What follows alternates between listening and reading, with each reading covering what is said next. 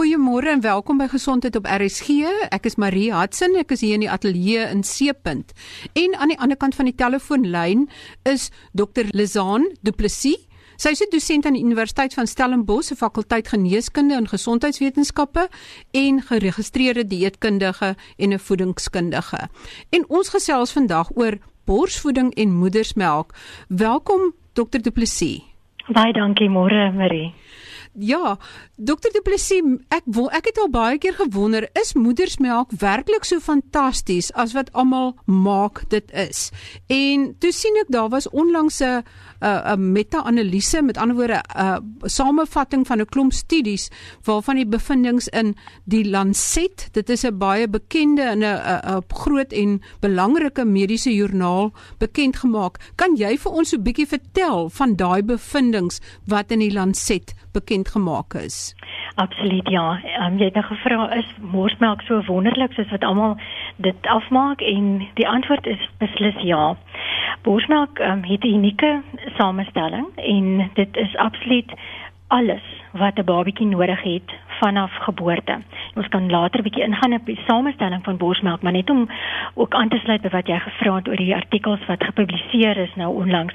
Daar het hulle bevind dat babas in ontwikkelende lande en in ontwikkelde lande kan almal voordeel trek uit borsmelk uit. So dis nie net 'n uh, voedingmetode vir arm lande nie. Dit is definitief ook dit baie voordele vir alle babas, maak nie saak of hulle uit ryk of arm lande uitkom nie. En die voordele wat hulle gevind het en wat bevestig is deur navorsing soos wat jy genoem het, is dat borsmelk beskerm kinders teen kindersiektes. En kindersiektes vra ook nie vir jou of jy uit 'n uit 'n arm of uit 'n uit 'n ryk land uitkom nie. Kindersiektes kan enige plek in die wêreld voorkom. So meeste van ons infeksiesiektes, veral die siektes waaraan kinders nog sterf, soos boonste lugweginfeksies en ook diarree, daar beskerm borsvoeding ons babas. En dan gee dit ook vir hulle nie net alles wat hulle nodig het in hulle voeding nie, maar dit is ook 'n vorm van versorging wat die moeder dan kan gee. Dit is ook nie net 'n onmiddellike voordeel wat borsmelk en borsvoeding het nie, maar die voordele strek tot in die persoon se volwasse lewe. So wat bevind is is dat dit kan 'n volwassene beskerm teen siektes soos diabetes. Dit kan ook die risiko vir hartsiektes verminder en dan ook kan dit 'n baba se immuunstelsel so versterk dat wanneer hulle volwassenes word, dat hulle sterker immuunstelsels sal hê. Nou die die voordele hou nie op by die baba nie en dan by oor die volwasse persoon nie, maar die voordele is ook daar vir die ma. En wat hulle spesifiek gevind het, die voordele vir die ma is dis dat dit 'n verlaagde voorkoms van borskanker vir die ma kan kan kan um, verseker. Nou die verlaagde risiko beteken nie jy gaan dit nie kry nie. Dit beteken dat oor uh, al die studies wat gedoen is en al die verskillende getalle vroue wat ingesluit is, is daar 'n beduidende um, verlaging van risiko vir borskanker. En dan ook ander tipe kankers wat veral um, estrogen um, hormonaal hormonaal gedrewe is. So daar is beslis vir babatjies en vir ma's voordele om te borsvoed as ons dan nou kyk na wat presies is in borsmelk van 'n moeder, van 'n uh, van 'n mens. Uh, want ek bedoel mense kry seker nou dieremoeders ook. Maar hmm. wat is dan 'n mens se die moedersmelk? Wat is dan nou daarin wat dan so spesiaal is om om die baba te voed? Om te begin is daar um melksuiker of koolhidrate in borsmelk en daar is ook proteïene en vette en hierdie spesifieke ehm um, wat ons na verwys as jou makronutriënte. Hierdie kan kom ook voor in formulemelk, maar die samestelling is nie dieselfde nie. So jou proteïen en koolhidraat en vette is dan van 'n mensgemaakte formaat, waarin formulemelk kom dit van 'n koe. Gewoonlik, meeste formulemelk word van koeimelk gemaak. Maar die samestelling van 'n uh, koeimelk is sodat dit nie toepaslik is vir klein babatjies nie. So daai melk moet aangepas word. Dit moet eers verdun word om die proteïen in die formule of in die koeimelk te verminder, want as 'n babatjie vars koeimelk gaan kry van geboorte af, kan hy sterf daaraan. Hulle niere is net nie gemaak om daardie lading van hoë proteïene wat in koeimelk is te hanteer nie. So in borsmelk is dit perfek. Die hoeveelheid proteïene, die hoeveelheid koolhidrate en die hoeveelheid vette is perfek vir 'n mens baba. En buite hierdie nutriënte kry ons dan ook vitamiene en minerale wat in die regte hoeveelhede in borsmelk is vir 'n baba, vir 'n mensbaba. Waar in koeimelk moet dit weer eens aangepas word totdat dit min of meer op dieselfde hoeveelhede as borsmelk is. Maar buite hierdie ehm um, proteïene, koolhidraat, vet en vitamiene en minerale, kry mens ook ander faktore in borsmelk wat daar nie in formulemelk is nie. En hierdie um, ander faktore is beskermende faktore. So daar is um immuunkomponente, so dis vir die weerstand van die babatjie wat hy van die ma af kry. En dit is nie in gewone koeimelk of in formulemelk is dit nie beskikbaar nie. So dit beskerm dan die babatjie se ehm um, se se spysverteringskanaal en dan is daar ook ander komponente in. So daar's ensieme in borsmelk, daar is ook hormone in borsmelk en dit is nie in formulemelk beskikbaar nie. So 'n borsvoede baba het hierdie ekstra ehm um, komponente in wat bydra tot die unieke samestelling en dit kan nie nagemaak word nie. So omdat dit lewende selle is wat wat ook be, be, um, betrokke is in en teenwoordig is in borsmelk. Goed, so as moedersmelk is nou baie belangrik en dit is nou die perfekte samestelling. Maar hoe lank vir hoe lank is dit voldoende vir 'n baba? Met die Wêreldgesondheidsorganisasie en al die ander ehm um, organisasies wêreldwyd wat boersvoeding en borsmelk ondersteun, het 'n spesifieke um, aanbeveling rondom borsvoeding wat sê dat van geboorte tot op 6 maande ouderdom het 'n baba niks anders nodig as net borsmelk nie. So dit is die gemiddelde baba wêreldwyd is hierdie aanbeveling aanvaar en die, ons het dit ook in Suid-Afrika aanvaar. So vir 6 maande lank kan 'n baba net borsmelk kry en geen ander bymiddels nie, nie water nie, nie sap nie, nie tee nie, nie kos nie, niks anders as net borsmelk nie. Maar hoe weet mens dat 'n vrou wat borsvoed se melk voldoende is? Ek bedoel alle vroue is seker nie so gelukkig dat hulle voldoende melkproduksie het nie. Hoe hoe weet mens daai baba kry voldoende volumes in? Dit is een van die vrae wat meeste ma's graag wil beantwoord hê. En die antwoord daarop is dat meeste en ons praat nou van 99.99% van ma's kan fisiologies borsvoed. So hulle hulle liggame is so ingerig dat hulle sal kan borsvoed. Maar daar's baie ander faktore wat in ons veral ons moderne wêreld 'n impak het op borsvoeding wat nie borsmelk en borsvoeding ondersteun nie. Ons kan bietjie later meer um, dalk daaroor gesels. Maar as ons net terugkom na die na die produksie van borsmelk, ontrent alle maas kan borsmelk produseer. Nou die die manier van voeding is belangrik want in die ou dae het ons spesifiek op 'n horlosie gevoed en dan staan vir ons gesê jy moet elke 3 of 4 ure moet jy die babatjie voed en dit maak nou nie saak of die baba huil intussen nie jy moet daai voeding rek. Nou daar is 'n ander manier van dink daaroor vandag want nie ek of jy of die volgende persoon is altyd op dieselfde tye honger nie. So ons moet voorsiening maak daarvoor dat alle babas ook nie op presies dieselfde tye gaan honger wees nie. En daarom moet ons dit oorlaat aan die baba om daardie gelykies te maak en om vir die ma aan te dui wanneer het hulle melk nodig. En 'n ma moet dan gemaklik kan wees, kan gemaklik van haar in 'n posisie kry waar sy kan sit en die baba aan die bors kan heg. En daar's 'n spesifieke manier wat dit ook gedoen kan word waar die baba op haar of sy um, sy geposisioneer word, waar hy kyk na die bors toe en dat die ma dan die ma, die die geduldig sal wees om die baba aan die bors vas te heg. So ek het op Johan van Lille se program nou die dag verduidelik hoe kielie jy die bolepie met die um, tepel van die bors totdat die baba se mond groot genoeg oopgaan dat hy dan 'n groot deel van die borsweefsel in sy mondjie neem en dan 'n lekker aanhegting aan die bors het. En dan kan hy werk om daai melk uit te kry uit die bors uit en of vir die ma dan om te weet wanneer hy genoeg gehad het, is die baba sal die voeding van self staak, sal ophou voed koppie wegtrek en die ma kan dan die wyntjies uitvryf en as die baba dan nog wil voed, sy kan dan die baba terugsit aan die bors en hy sal wel vir haar aandui deur of die koppie weg te trek um, of aan die slaap te raak dat hy genoeg gehad het. En dan kan 'n mens ook kyk na die hoeveelheid doeke.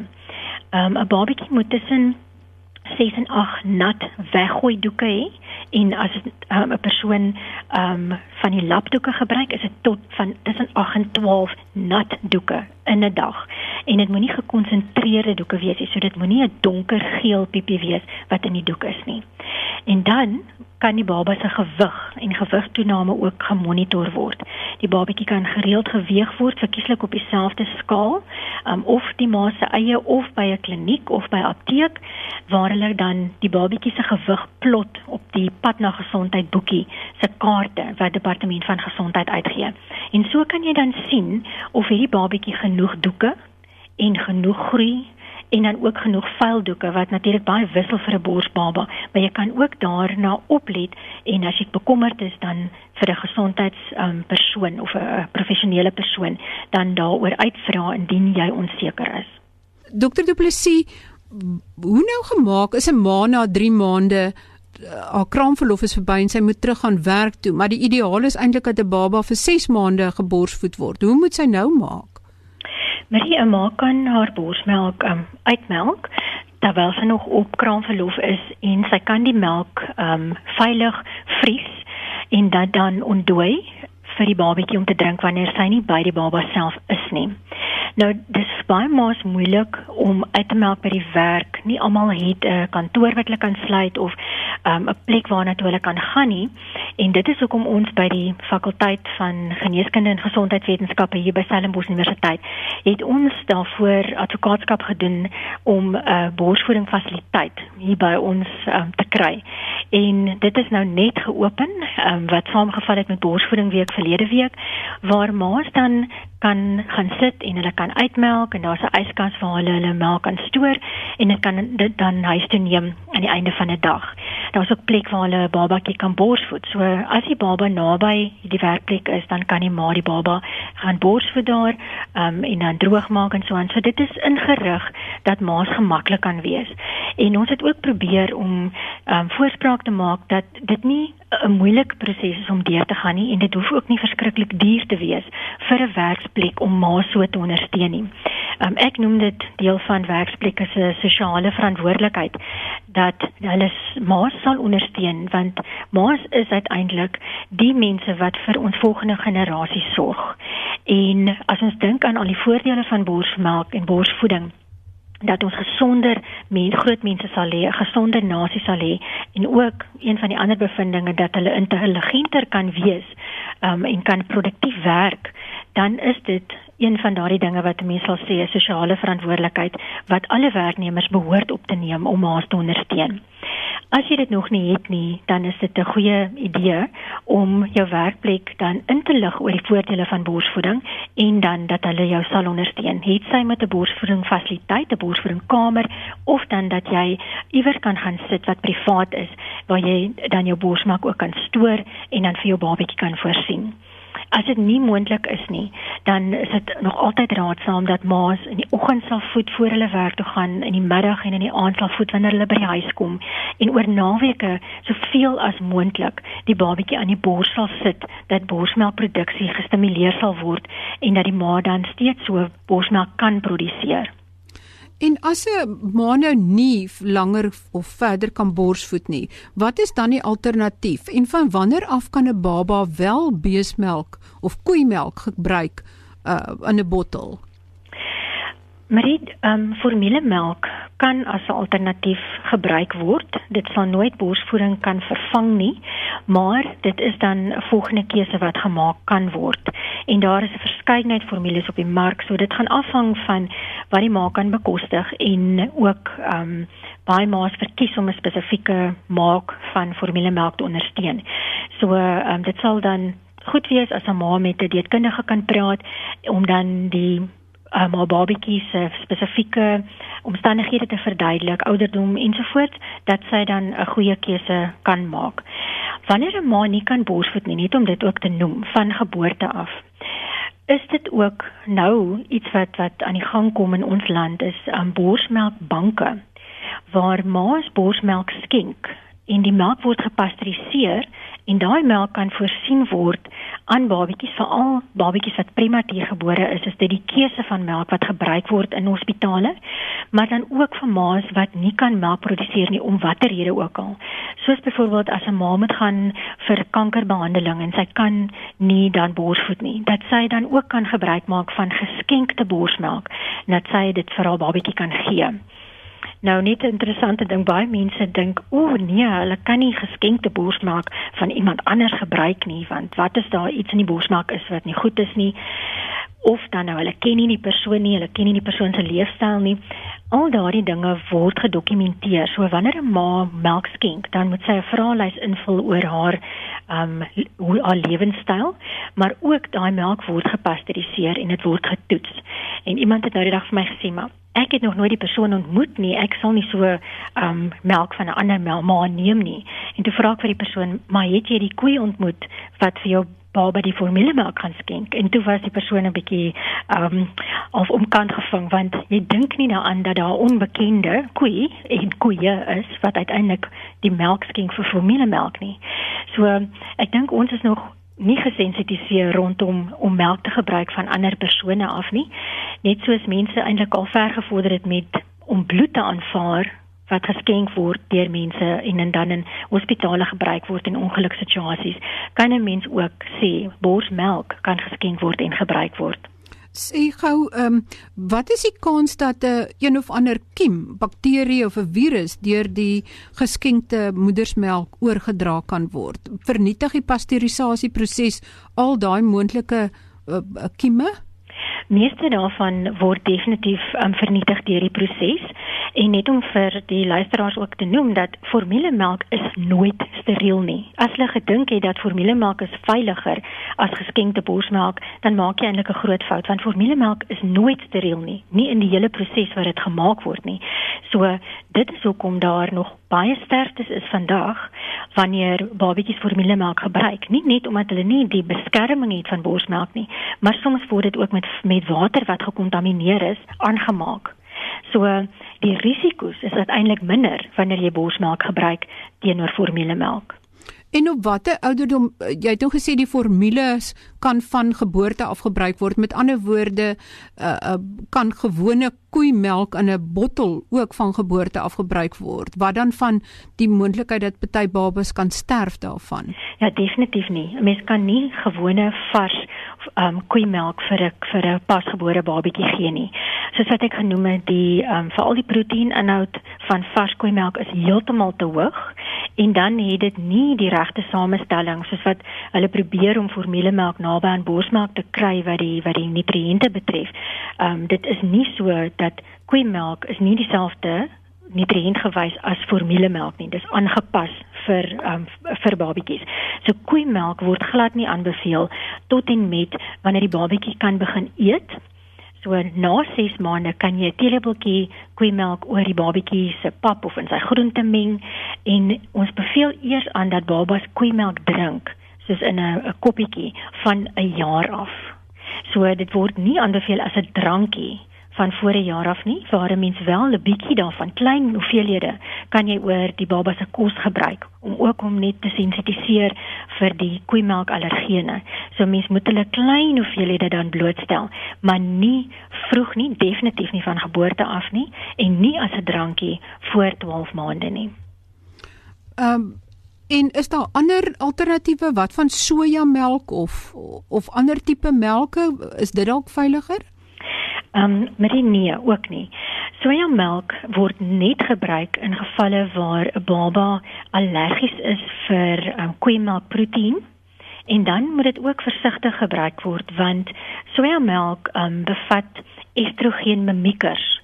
So 'n mens moet baie versigtig wees. Daar is nog ehm um, onsekerheid oor wat die estrogen mimieker wat jy in soja kry kan doen aan geslagsontwikkeling veral by seentjies.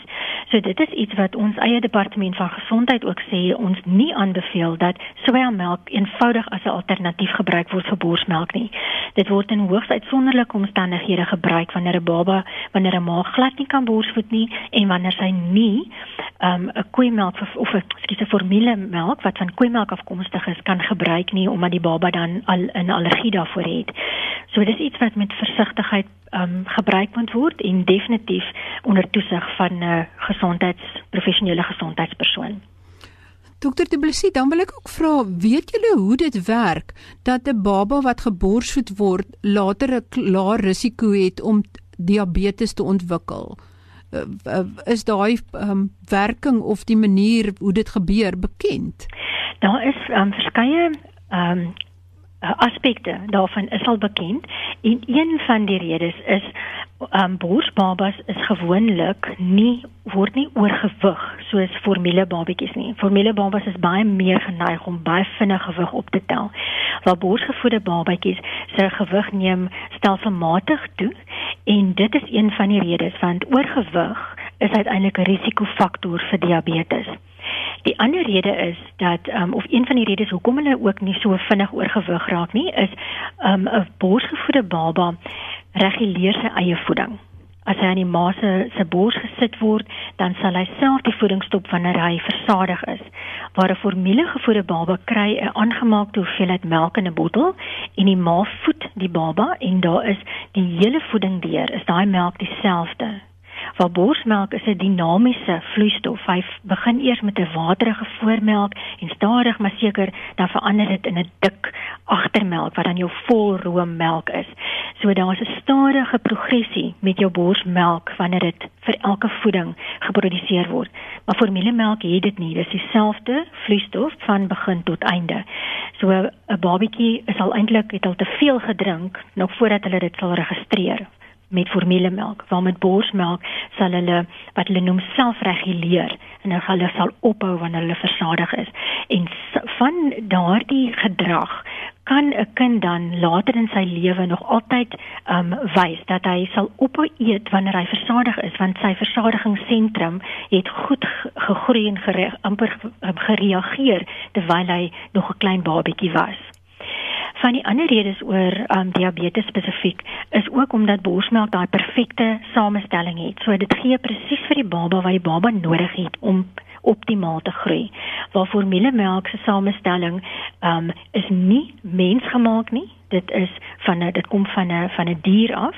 So die samestelling kan nooit dieselfde wees as borsmelk nie. En dis om daardie rede dat die babatjies ook dikwels um, meer voeding inkry as wat hulle dan uiteindelik nodig het. Dan net 'n laaste vraag, net 'n vinnige ja of nee voordat ons moet afsluit, is het die die toediening van koeimelk op 'n baie vroeë ouderdom enigstens iets te doen met die ontwikkeling van laktose intoleransie of nie? Wanneer dit groot hoeveelhede is wat toegedien word, kan dit 'n allergie uitlok, maar dit is ook in families waar 'n uh, voedselallergie gewoonlik problematies is. So dit is 'n baie goeie interessante vraag, maar 'n mens sal bietjie meer moet uitwy as 'n ja of nee daarop, um, omdat dit te doen het met die hoeveelheid, die volume uiteindelik van die spesifieke voedselallergeen wat wat toegedien het. So dis hoekom ek gesê het jy met klein hoeveelhede, soos 'n teelepeltjie wanneer die babatjie begin eet byvoorbeeld, oor sy kos sit en nie sommer eers ewe skielik 'n hele bottel melk vir die baba gee nie van koeimelk oorsprong nie. Baie baie dankie Dr Du Plessis. Ek hoop die mense het nou baie interessante inligting gekry en dat ons van die vrae wat hulle dalk in hulle koppe het beantwoord het. Ehm um, gaan kyk gerus op ehm um, RSG se webblad. Ehm uh, jy kan daar al die uh, programme oor gesondheid weer op pot gooi kry, ook hierdie een en skryf gerus aan my by gesond by rsg.co.za as jy enige vrae het en as jy spesifiek vra oor borsvoeding het sal ek dit deurstuur vir dokter Du Plessis. Baie dankie tot volgende week dan. Totsiens.